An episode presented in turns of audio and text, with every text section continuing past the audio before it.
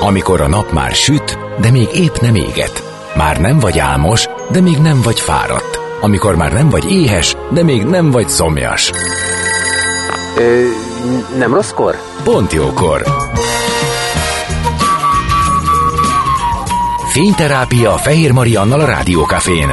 Benne a nap embere, kitekintés a világra és búvárkodás a lélekben. Minden hétköznap délelőtt 10-től délig. Pont jókor!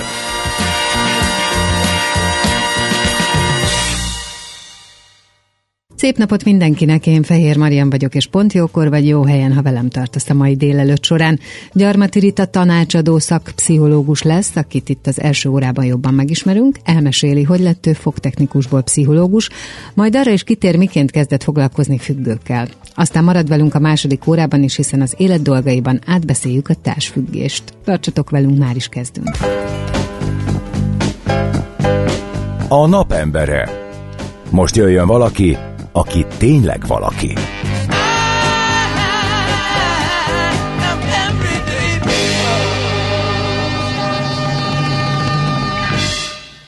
Már itt van a napembere. Gyarmati Rita, tanácsadó szakpszichológus, akit köszöntök. Szia, jó reggelt! Jó reggelt kívánok! Milyen érzés napemberének lenni? Jó, ez nekem nagyon tetszik ez a szignál, hogy itt van valaki, Szeretem aki tényleg is. valaki, és el is indult a fejembe, hogy egyébként van olyan, aki nem valaki. Ha, pszichológus visszakérdez, ugye?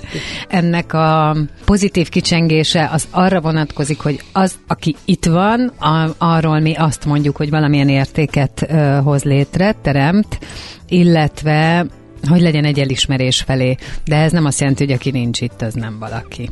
Köszönöm. Szóval, szóval, szóval hogy ez, ez inkább egy megalapozása ennek az egésznek, ennek a hangulatnak.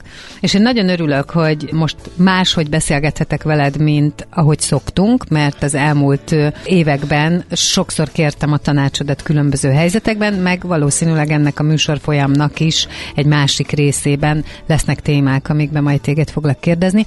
De hogy ö, azt mondtam, hogy na akkor legyél te most egy kicsit a nagyító alatt, és tudjuk meg, hogy te honnan jössz, és, és mi az, amit hozol magaddal. Úgyhogy picit én már vissza is mennék a gyerekkorba. A gyerekkor az ugye nullától kezdődik, de azért én itt a 12 éves koromat emelném ki, amikor egyáltalán elkezdett körvonalazódni az bennem, hogy mivel szeretnék én foglalkozni. 12 évesen minek hatására kezdett vonalaz? Szerintem annak hatására, és akkor ha már a pszichológiánál tartunk, akkor ez egy érdekes dolog, hogy így a, a családomban a férfiak hogy működtek, és ezek egyébként a mai napig hatással vannak ugye mindenkire, hogy milyen mintákat látott, vagy milyen ellenkező nemű mintákat látott, és nem nagyon volt nálunk férfi minta. Apukám és az anyukám elváltak egymástól, volt egy nagy, nagypapám, akit nagyon szerettem, de ő, amikor én 14 éves voltam, meghalt, és akkor volt egy nagybátyám, az édesanyámnak az öccse, aki külföldön élt egyébként, de egyszer hazajött. És ő annyira nagy hatással volt rám, nem csak mint férfi a családban, hogy hát valaki férfi, hanem ahogy élt, nekem nagyon tetszett, és ő fogtechnikus volt. Na ennek hatására én teljesen elhatároztam, hogy én akármi történik belőlem fogtechnikus lesz, és az is lett egyébként. Tényleg? De igen, úgyhogy nagyon érdekes. elsődleges mintakövetés akkor meg is volt. Igen, és ami nagyon érdekes, hogyha most visszanézem, mert ugye ez most már bőven 30 éve történt, akkor ez egy nagyon érdekes dolog, hogy amikor elkezdtem már kifelé jönni a fogtechnikából, mert ott azért kiderült, hogy én nem tudok öt ember között ülni egész nap. Tehát, hogy az Mhm. nekem nem elég inger. Nem mondom, hogy ne lett volna tehetségem a fogtechnikához, de nem az én közegem volt. És ez nagyon érezhető volt, de azért érdekes ez, mert én látok mostanában embereket körülöttem, akiknél ugyanígy érezhető az, hogy nem a saját közegükben vannak, de mégsem érzik ezt annyira erősnek, hogy kilépjenek belőle. Tehát nem tudom, hogy érthető amit Abszolút mondok. értem, amit mondasz, hogy nem irritálja, hát, de hogy az embereknek csak nagyon-nagyon kevés százaléka csinálja azt, amit szeretne, és van úgy, ahogy ő szeretne. Tehát nagyon sokan fogadják el a helyzetüket úgy, mint az élet vele járóját, vagy egy szükségszerű állapotot. Egyébként azt gondolom, hogy az életben többször vannak ilyen szakaszok, amikor nem is lehet más csinálni, mint hogy ezt Nyilván, elfogadod. persze. De pont a tudomány mondja erre azt, hogy hát, amíg nem fáj eléggé, addig tulajdonképp maradunk, és ez a, ez a, ez a tűrés határ, ez nagyon, nagyon kitolható, de ezekről szerintem te fogsz tudni többet mondani. Abszolút egyetértek ezzel, csak hogy ez tényleg egy, valóban egy érdekes jelenség, mert hogy ugye Személyiségfüggő? az is benne van, meg szerintem a minta is benne van, hogy mit látok otthon, hogy bátor vagy nem bátor. Az én anyukám egyéni vállalkozó lett 90-es évek elején, tehát hogy ez Az egy bátor. borzasztó bátorság volt, és nekem így az életemben azért benne van az, hogy hát így képlékeny a dolog, vagy van pénzem, vagy nincs. Tehát, hogy ez a fajta működés. De hogy a komfortzónából való kilépés borzasztó nehéz, és egyébként igen, a, a, abszolút így van, hogy a mai világban a szorongás az egy borzasztó erős motiváció, vagy nem motiváció arra vonatkozólag, hogy tudjunk-e változtatni, vagy akarunk-e, vagy merjünk-e változtatni, vagy megnézni valami mást, ami nem éppen mi vagyunk.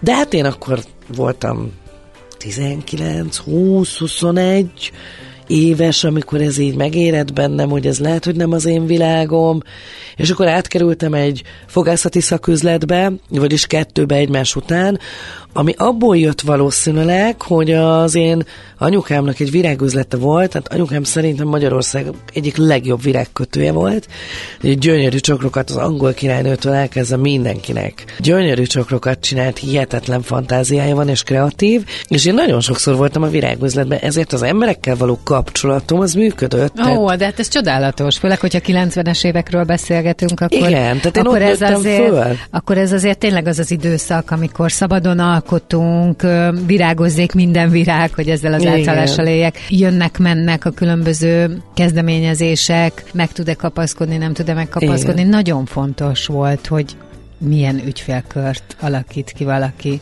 Abszolút. És, És az ő- anyukám nagyon jó ügyfélkört.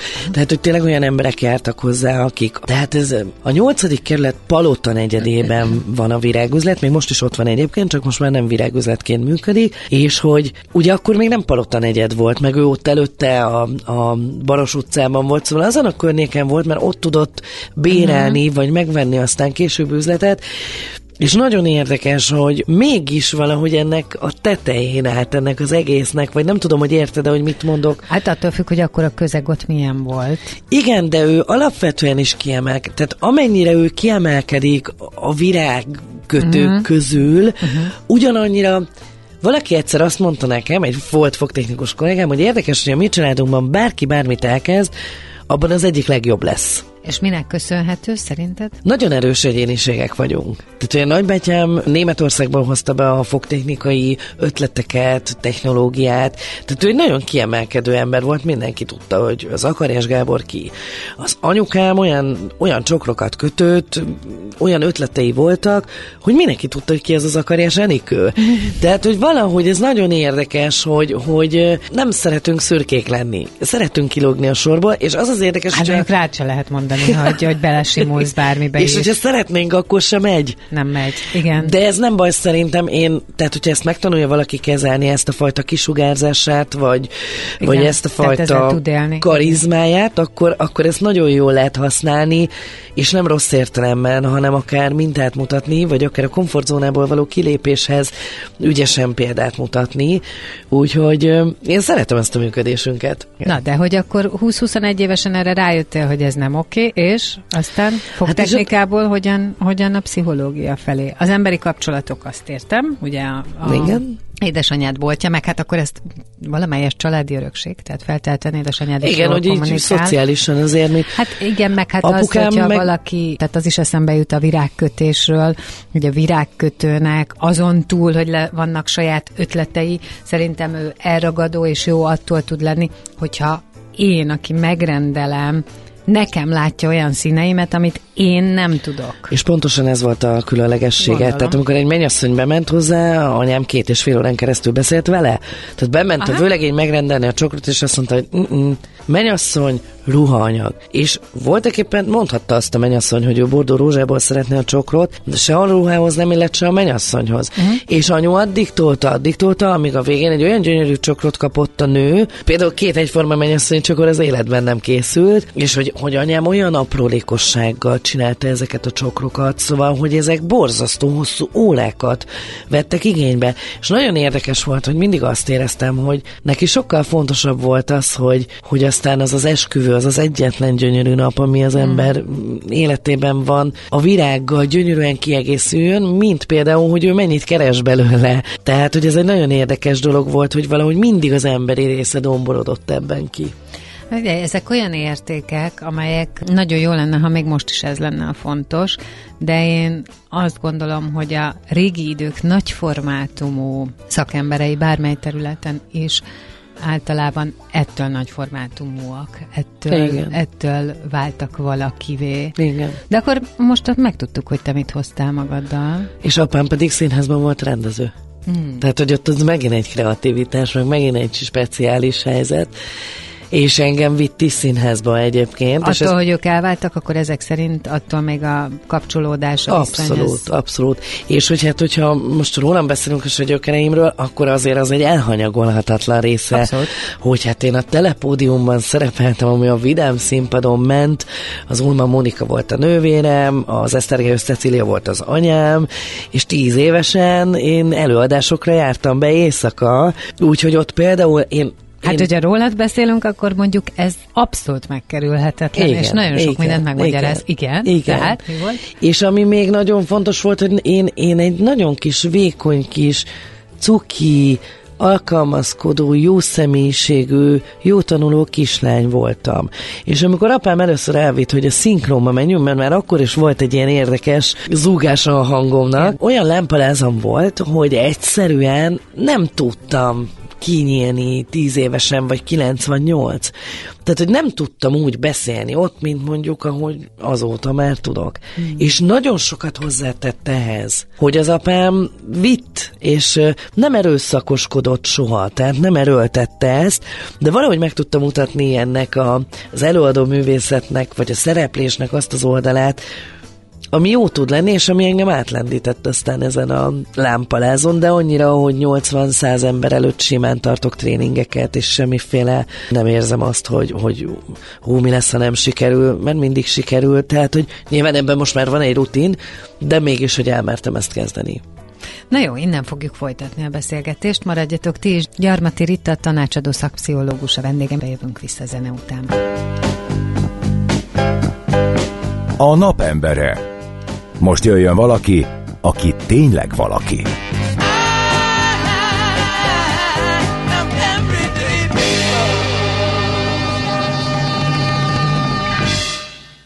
És folytatjuk is. A napembere pedig Gyarmati Rita, a tanácsadó szakpszichológus, és sok mindent megtudtam rólad, aminek amúgy nagyon örülök. Nem véletlen az, ezt elmondom a hallgatóknak, nem tudom mennyire ismernek téged, de ismerhetnek nagyon sok szituációból, nagyon sok témában vagy te szakértő, és adsz tanácsot, és azt kell tudni, hogy a médiában nagyon szeretjük azokat az embereket, akik hitelesek, és ehhez gyorsan helytállnak, ha kell, és reagálnak, ha kell egy helyzetet. Na te pont ez a típus vagy. Akit, hogyha felhívunk, és azt mondjuk, hogy figyelj, most van itt ez és ez a szituáció, ez és ez a helyzet, ez és ez a téma, mit tudsz erre mondani, akkor általában nem azt kérdezed, hogy mit, hanem hogy mikor és hol, és hogy legyél te ebben kész.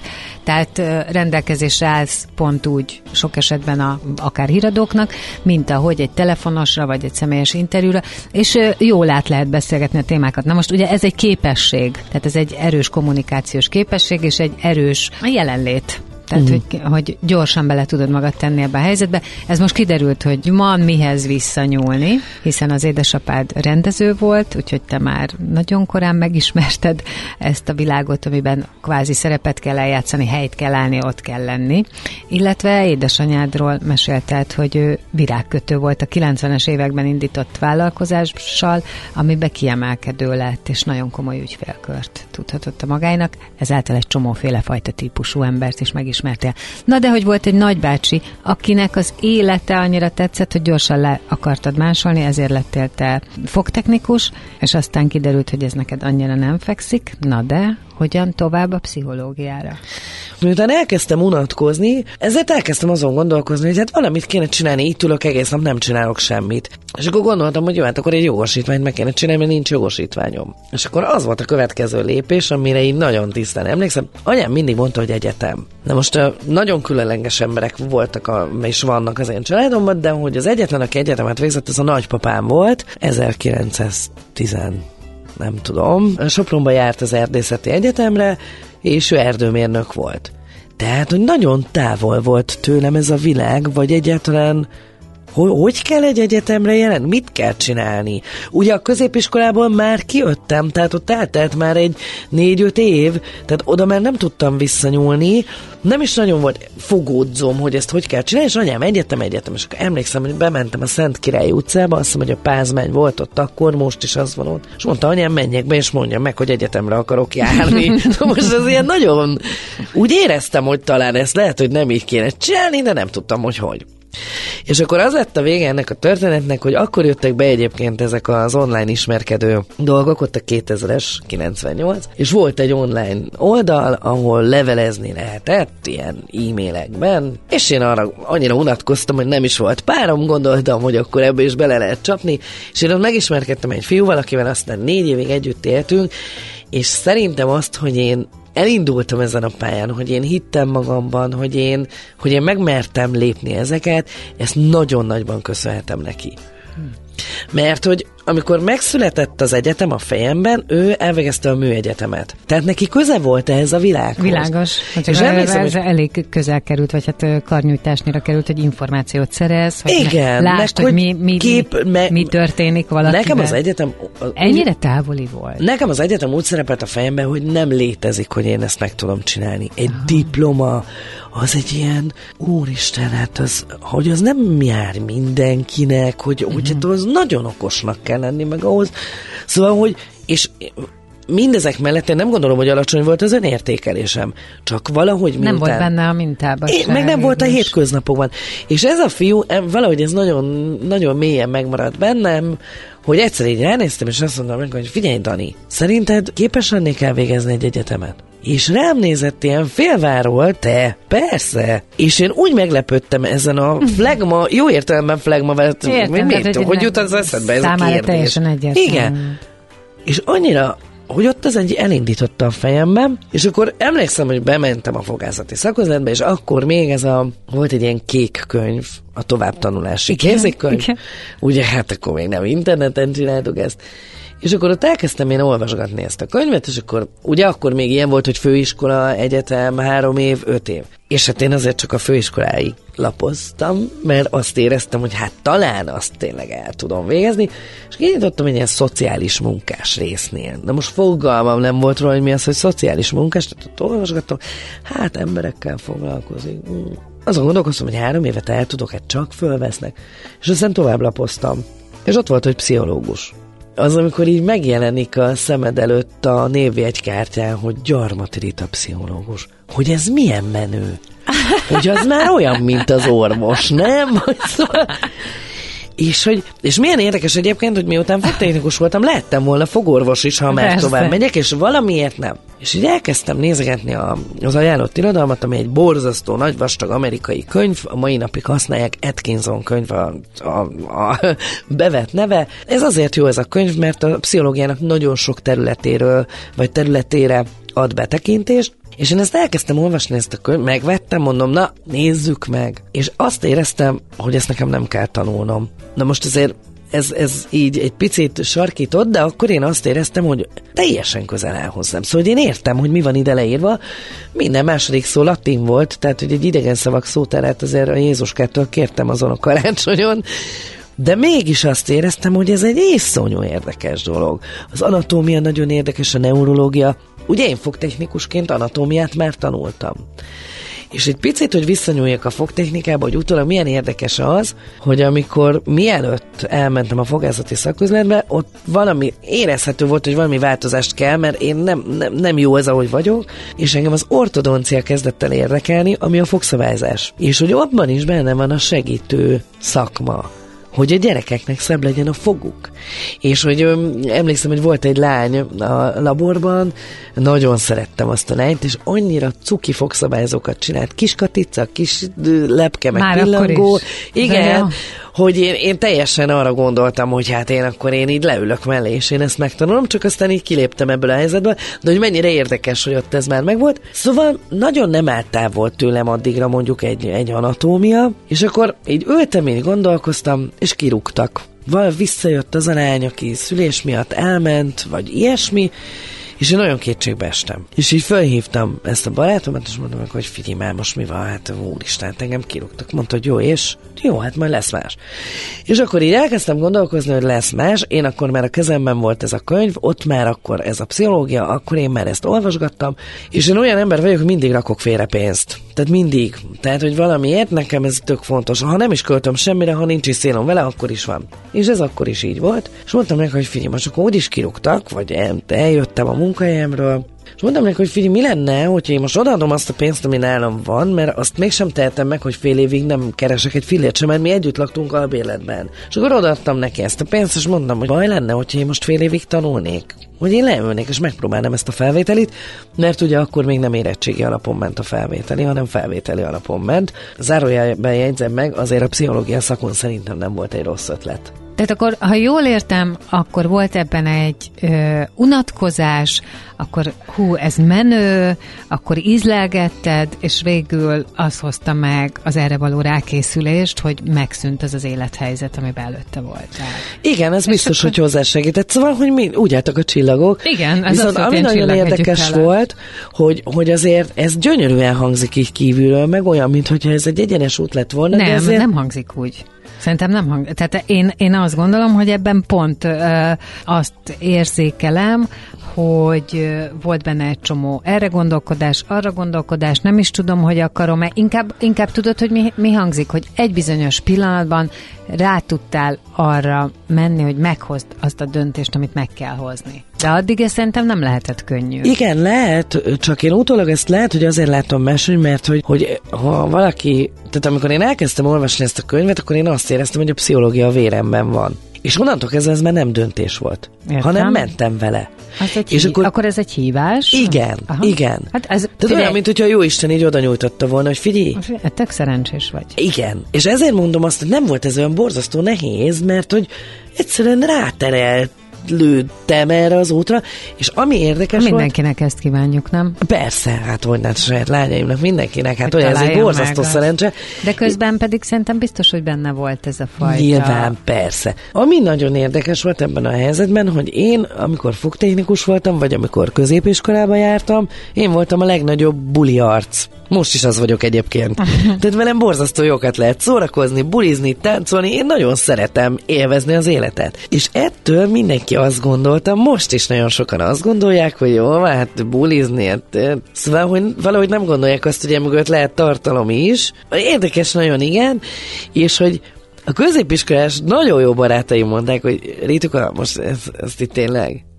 Mondtam, hogy ja, miért? Hát 30-szoros túljelentkezés van a pszichológia szakra. Ha megkaptad, akkor Hát az mondom, ellenoldalt is. De hogy annyira erős volt ez a döntés, vagy ez a húzás, vagy ez a, hogy nem, tehát hogy így mondtam, hogy jó, oké, de és mondták, hogy Ritok, hát hármas átlaggal jöttél ki a gimnáziumból, hát szóval, de az asztalon táncolsz, tehát, hogy érettségére se tanultál, tényleg nem, mert Gánzár Rózis koncerten voltam inkább, de csak ott valami egy ilyen fordult bennem valami, és akkor nagyon érdekes volt, és ezt a klienseimnek is szoktam mondani, hogy ez egy borzasztó nyomás tud lenni, amikor kívülről nem hisznek benned, de nálam nem tudták elvinni ezt abba az irányba, hogy feladjam ezt a tervet, hanem inkább abba az irányba vitték el, hogy lett egy B mondatom, és az az volt, hogy oké, okay, lehet, hogy nem vesznek föl, és lehet, hogy igazatok van, de 40 éves koromban nem mondhatom azt, hogy meg se próbáltam. Ez így van, meg hogy ahhoz képest, hogy honnan indultál, hogy te magad neked elérhetetlen volt az egyetem, egész addig, amíg meg nem tudtad, hogy van egy olyan, hogy pszichológia, nem? Igen. Akkor folytatjuk innen. Mindjárt jövünk vissza Gyarmati Rita, tanácsadó szakpszichológussal. A napembere. Most jöjjön valaki, aki tényleg valaki.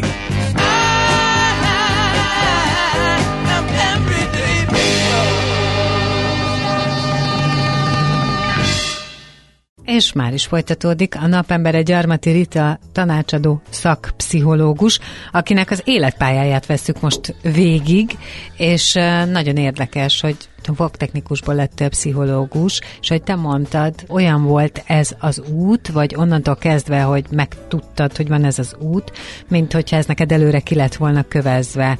Tehát ebbe te hívást éreztél, mentél, és uh, nyilván az sem titok, hogy már már a negyedik diplomádat szerzed a különböző területekből, de most ugrunk egy nagyot, ami nagyon fontos veled kapcsolatban, hogy az addiktológia az, ami ahonnan te indultál, vagy amiben te mindig dolgoztál, és erre épül rá az összes többi. Így van. Ez a fajta érdeklődés, ez hogy jött? Így van, én abszolút bekerültem az addiktológia területére. Amikor elkezdtem egyetemre járni, akkor nekem volt egy, vagyis hát most is van egy gyerekkori barátnőm, akinek éppen akkor a, az éppen akkori párja, az egy pszichiáter volt, aki addiktológiával foglalkozott. Elmentünk együtt nyaralni, és ő kérdezte, hogy figyelj, itt a tök jó ez, hogy most te pszichológus akarsz lenni, de hogy mivel akarsz foglalkozni? És mondtam, hogy fél fogalmam nincs róla, nem tudom. Egy valamit tudtam, hogy gyerekekkel nagyon nem. És nem azért, mert a gyerekeknek nincs nincs erre szükségük, hanem valahogy már akkor benne volt a fejemben, hogy ott biztos, hogy a felnőttel van a hiba, és hogy ez egy ilyen dupla ugrás. Inkább olyasmi szerettem volna, hogy közvetlenül tudjak segíteni valakinek, aki mondjuk önmagától jön el, mondjuk ez az addiktológiára nem mindig igaz, az addiktológiai kliensekre, de hogy mégis, hogy, hogy mint felnőtt ember szeretne változtatni valamin, és én abban tudjak segíteni. És akkor mondta a srác, hogy jó, rendben, hát akkor nézzük meg, hogy mi az, amit nem akarsz csinálni, és akkor elkezdtünk itt szemezgetni, és ő akkor a Lipóton dolgozott fönt, ugye, ami akkor még működött. Akik ott voltak rehabilitálódni, szenvedélybetegek, azoknak ők létrehoztak egy ilyen utógondozót, mondjuk ezt így, ami a, az Oktogon környékén van a mai napig egyébként egy nagyon jó hely, és ott voltak aztán ott csoportok, oda le lehetett járni, tehát, hogy azok az emberek, akik készen voltak egy rehabbal, azoknak legyen még egy kötődésük, helyben tudják magukat tartani a szenvedélybetegségükkel kapcsolatban, észrevegyék azt, hogyha probléma van, közösségbe tudjanak járni, akik hasonló helyzetben vannak. És akkor itt mentek csoportok. Nem tudom, volt olyan csoport, ami, ami az önismeretet segítette, volt hozzátartozói csoport, és ilyesmi, és akkor mondta nekem ez a srác, hogy figyelj, gyere le oda, és akkor önkéntesként nyugodtan. És akkor én el is töltöttem ott három évet önkéntesként, és hát ott bedobtak a mélyvízbe. Szóval, hogy ott olyanokat hallottam, amit addig soha. Tehát, hogy, hogy hát rákos anyukám, és hát eléggé kéne neki a morfin, de hát ő már úgy érzi, úgyhogy inkább elvettem tőle. Ugye egy anyagos mondta ezt. Uh. És annyira durva a hatások értek ott, hogy így ültem, és először csak így pillogtam, hogy így mi van? És akkor emlékszem rá, hogy volt egyszer egy stáb, ahol az ott dolgozók ugye leültek beszélgetni, és senki nem ért rá, hogy beüljön a csoportra, mert valahogy elcsúszott ez a dolog, és akkor ez a srác mondta nekem, hogy jó, hát akkor vidd el a csoportot. Mondom, hogy mit csináljak? De hogy, hogy mit? Ülj be a csoportra, de mondom, figyelj, hát én ezt egyáltalán fogalmam nincs. Azt mondja, majd lesz. Uh-huh. És így kezdődött. Mélyvíz. Igen, de valószínűleg így lehet, nem? Igen, és azért ezek nagyjából önsegítő csoportok voltak, szóval itt azért nem arról szólt a dolog, hogy én vagyok a csoportterapeuta, aki most így végigvisz egy tematikus csoportot, tehát, hogy mélyvíz volt, de mégis ez a része volt a mélyvíznek, ahol be lehet, lehet ebbe kóstolni. Közben olyan érdekes, hogy ha erre a területre gondolok, hogy miért is az a terület, vagy mi van ebben a területben, akkor az én szerény tudásom, amit nyilván itt a újságírói lét alatt szedtem magamra, az az, hogy ez az a legnagyobb kihívást jelent terület abból a szempontból, hát nem tudom máshogy mondani, tehát a függő emberre szokták mondani, hogy csak semmit ne higgyel neki. És azt is uh, nyugodtan vett készpénznek, hogy bármikor, bármit m- megígér, ha elfordulsz, lehet, hogy az utolsó százasodat is kiveszi, elveszi, hogyha az neki anyagra kell.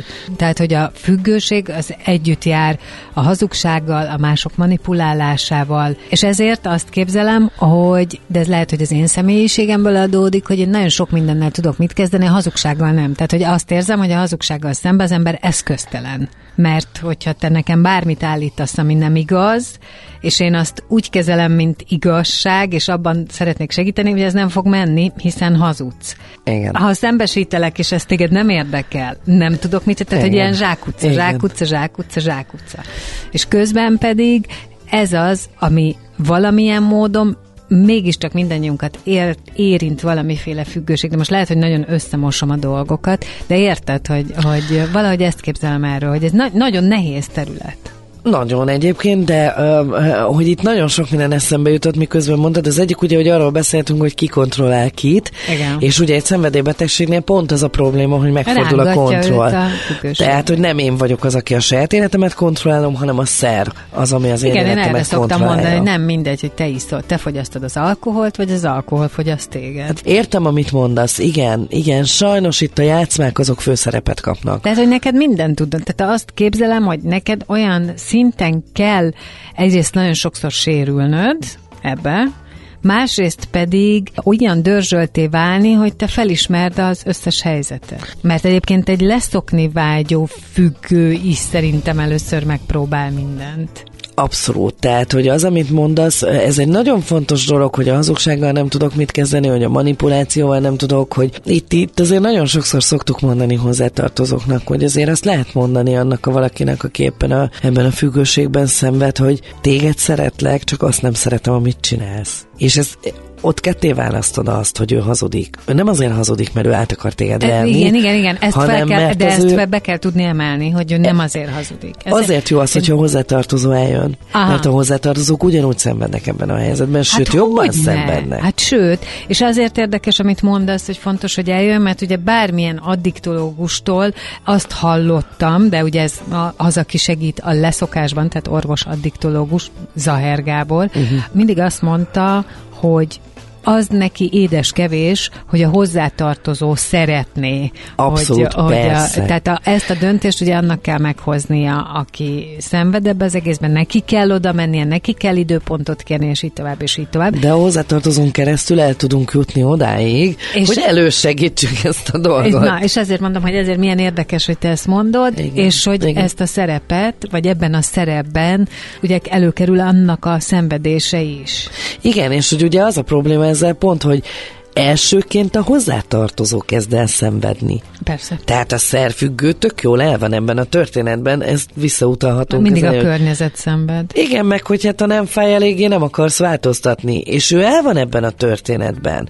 Tehát ő nem úgy látja önmagát, mint a környezet. Tehát egy anyának végignézni azt, hogy tönkreteszi magát a gyerek, és akkor ez egy borzasztó komplex helyzet, mert, mert mit rontottam el, milyen mintát adtam neki, hol kellett volna máshogy csinálni, most hogy tudok vele együtt élni, borzasztó Mi komplex. lesz vele? Igen. Van. És hogy egyáltalán miért történik pont velünk ez. És szóval borzasztó komplex, de egyébként, ha már elkezdted azt mondani, hogy ide egy nagyon dörzsöltnek kell lenni, hogy az ember ezt észrevegye. Azért én most már akkor egy húsz éve ezzel foglalkozom, uh-huh. tehát hogy valahogy én ebbe tényleg belecsúsztam, és ez egy nagyon érdekes dolog volt, mert nem valószínű, hogy mindenki alkalmas arra, hogy szenvedélybetegekkel foglalkozzon. Én nagyon szeretem ezt a területet, tehát hogy én tényleg szeretem. Uh-huh. Hát, hogy mit hoz magával otthon az ember, azért az sem titok, és ha már a hitelességnél is tartunk, én ezt azért szoktam mondani, hogy hát van egy ilyen nagyon fontos kérdés a terápiában, hogy pláne amikor valaki haragszik a szüleire, hogy mi az, amiért hálás vagy a szüleidnek. És ez egy borzasztó nehezen megválaszolható kérdés. Az én apám alkoholista volt. És hogy miért vagyok neki hálás? Azért, mert megtanította azt, hogy hogy lehet szeretni egy szenvedélybeteget. És én azt gondolom, hogy ez nekem tudattalanul tanította meg, de hogy, de hogy nekem ez, ez belém épült. Tehát, hogy nekem nem az jut először eszembe egy szenvedélybetegről, hogy, hogy ő engem akar átverni, hanem azt, hogy ő szenved. Oké, okay. akkor van egy olyan mértékű szeretet is ebben a munkában neked, Hát igen, azt gondolom, hogy ezt a nélkül nem lehet. Aha. Meg ez, ez, hogy nem veszített szem elől, mert hogy amúgy, amit mondasz, ez, ez, ez elég valós, csak amikor már jó ideje szenved valaki valaki mellett, vagy amikor minden hatástalannak tűnik egy szakember számára, akkor szerintem abszolút befurakodhat ez a kérdés, hogy miért, miért csinálja ezt, meg, sőt, tehát az elsődleges szinten mindenki ezt kérdezi. Miért csinálja ezt velem, miért csinálja ezt velünk, Persze. De ő magával csinálja ezt így van, így van, de hát ezt beemelni, felismerni, elfogadni. Ez az, amiben, amiben nagyon jól tudunk segíteni egy hozzátartozónak.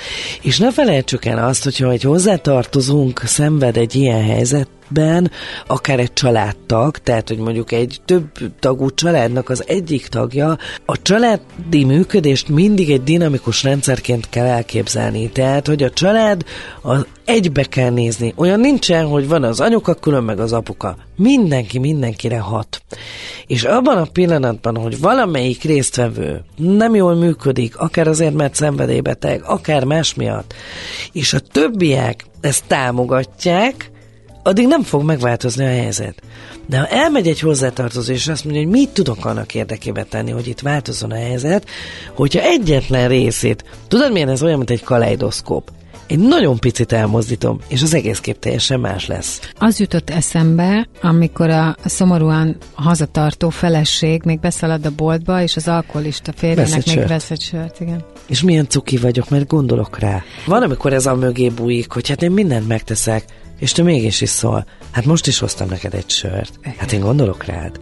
Szóval ezek, ezeket ki kell gobozni. És fenntartod az Így van. Tehát azért mondom, hogyha egy valami működés megváltozik egy ilyen közegben, abban a pillanatban muszáj, hogy minden vele változzon. Na érdekes. És ez így meg is történik? Tehát, hogyha hozzátartozó erre hajlandó és képes, és ő is végigcsinálja, csak ugye ez feltételezi azt, hogy ő is belenézzen abba a tükörbe. Úgy ne, hát ez borzasztó nehéz. Tehát pláne amikor szülőről van szó, mert ott annyi bűntudat van, hogy azt, azt nagyon nehéz, meg hát a gyerekemről van szó, tehát ott egy olyan erős érzelmi kötelék van, és ahhoz, hogy azt a szülőt végig tudjuk vinni az önmaga útján, hogy honnan hozta ezeket, hogy mi az, amit, meg hogy el tudja fogadni ezt, hogy megtörtént az, hogy ő így reagált, nem tudom, a 12 éves gyerekének rácsapott a kezére. Tehát ilyenek jönnek föl, hogy biztos akkor, amikor rácsaptam a kezére. Tehát, hogy borzasztó, borzasztóan Hm. megindít mindent az emberben egy ilyen helyzet. Tehát ez egy olyan, hogyha felszínt megkapargatod, hát akkor itt azért egy rendes cuccot találsz alatta. És ön azt gondolom, hogy ez bátorság mindenképpen bátorság segítséget kérni, és tudom, hogy borzasztó nehéz. Tehát, hogy egy terápiás folyamatnak van egy olyan része, hogy az ember elmegy, és az elején ilyen, ó, micsoda felszabadult érzés, elmentem, és kijöttem 50 perc után, és én boldog vagyok, és máshogy látom a világot, és hogyha rendesen részt vesz az ember a folyamatban, és dolgozik magán, akkor ennek van egy olyan része, amikor abszolút mélypontra kerül amikor azt érzi, ez egy hülyeség volt ezt elkezdeni, hát rosszabbul érzem magam, mint az elején. Ha ott nem hagyja abba az ember, ha ott képes arra, hogy bízzon a terapeutájában, bízzon önmagában, és Igen. bízzon a változásban, nem akkor nagyon szépen ki lehet jönni ebből a gödörből, és följebb lehet jutni, mint ahol eredetileg volt. Csak ezt a gödröt nagyon nehéz megugrani, ezt az árkot. Na figyelj, ajánlok neked valamit, mert hogy ez a napembere rovatunk, ez lejárt időben, viszont kinyitottunk egy olyan zsákot, amit lehet, hogy vétek lenne most be befogni a száját. Evezzünk át a következő órába, és akkor folytassuk a beszélgetést ezekbe a különböző témákba, ami az addiktológia meg a te területeid. Mit szólsz hozzá? Rendben. Akkor most köszi, hogy itt voltál, mint napembere, és légy gyere vissza majd, hogy te legyél a pont jókorban, a mi kis fényterepaldánk. Köszönöm. Gyarmati Rita tanácsadó szakpszichológus a vendégem, és marad is velünk. Pont jókor vagytok jó helyen. Ne menjetek sehová, a szünet után folytatjuk.